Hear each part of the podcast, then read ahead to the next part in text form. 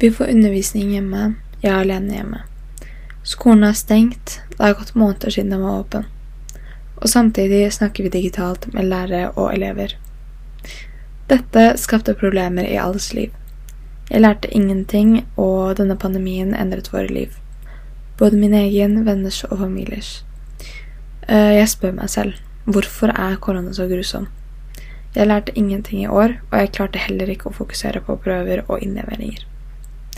Jeg spør meg enda en gang hvorfor er det så vanskelig?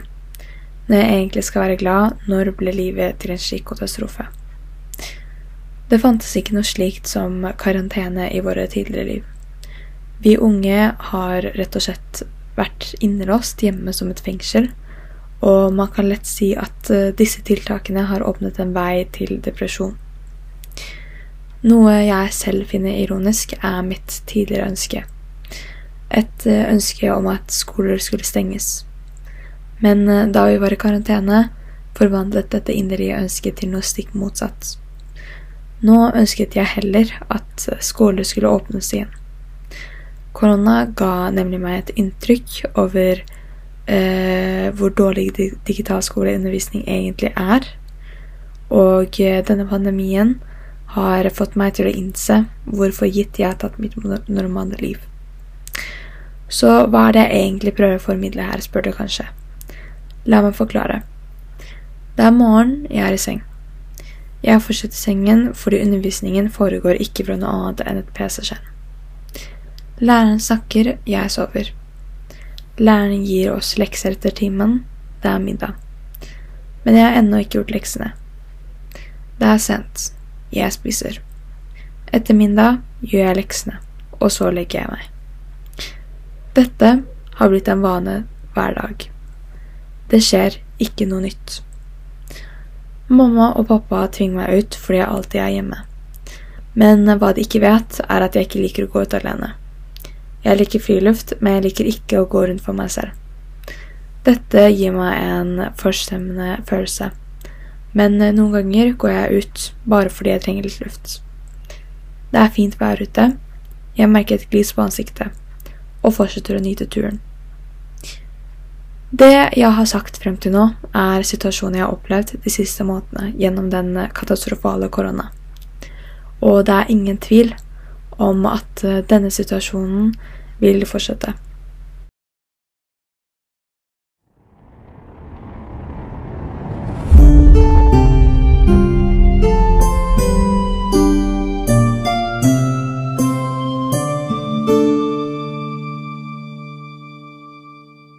Jeg heter Lydia og er 17 år gammel. Jeg går på Akademi videregående og har vært elev der i nesten to år. Vi vet at eh, digital og hjemmeundervisning har vært vanskelig for de fleste av oss. Spesielt elever i min aldersgruppe. Nå som jeg har sagt mine egne tanker og opplevelser rundt korona, skal vi nå intervjue en nær venn som har sine egne tanker rundt dette. Vi kobler til intervjuet straks.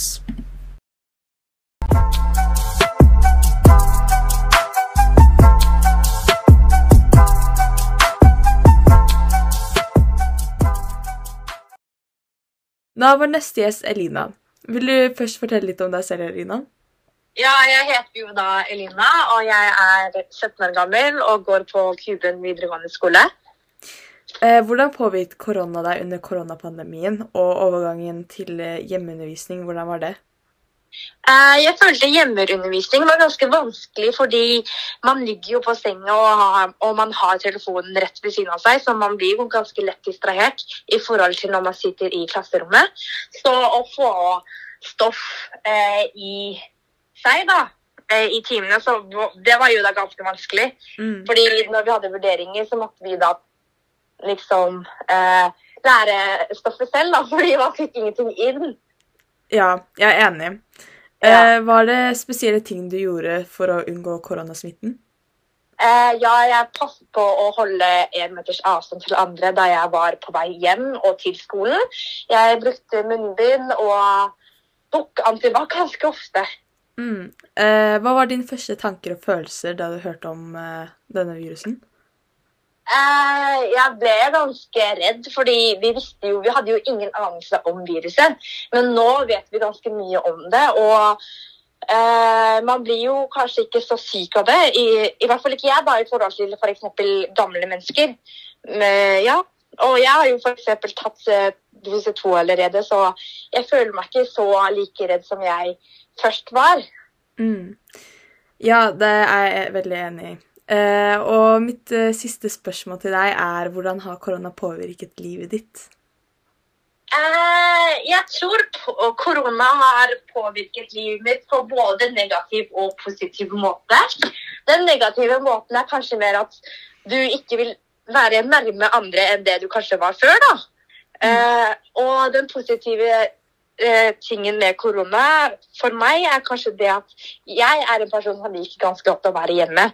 Så det er jo en pluss for meg. Mm. Takk for dine tanker, Elina. Ja, nei, det er bare hyggelig, det. Mm. Ha det.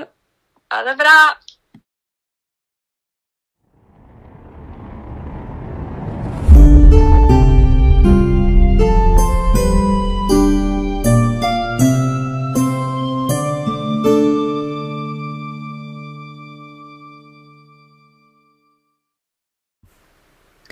Som vi har hørt fra nylig intervju, sies det at korona har påvirket de fleste av oss studenters liv negativt. På slutten av denne podkasten vil jeg også gjerne snakke litt om korona og koronavaksinen. Fordi da jeg følte meg uvel og dro på for å bli testet, var jeg veldig nervøs for hvordan denne situasjonen ville slå ut. For imens jeg ventet på resultatens svar, enten et positivt eller negativt påvisning, innså jeg hvor verdifullt det var å være frisk og kunne puste til en dag i dag. Jeg er også ganske heldig som ble vaksinert, fordi om resultatet var positivt, visste jeg at jeg ville overvinne det på den enkleste måten. Så jeg følte meg i sikkerhet på samme tid. Resultatet var ikke positivt, men jeg forsto veldig godt hvor verdifullt det var å leve under en slik dominerende trussel for verdenssamfunnet den siste måneden.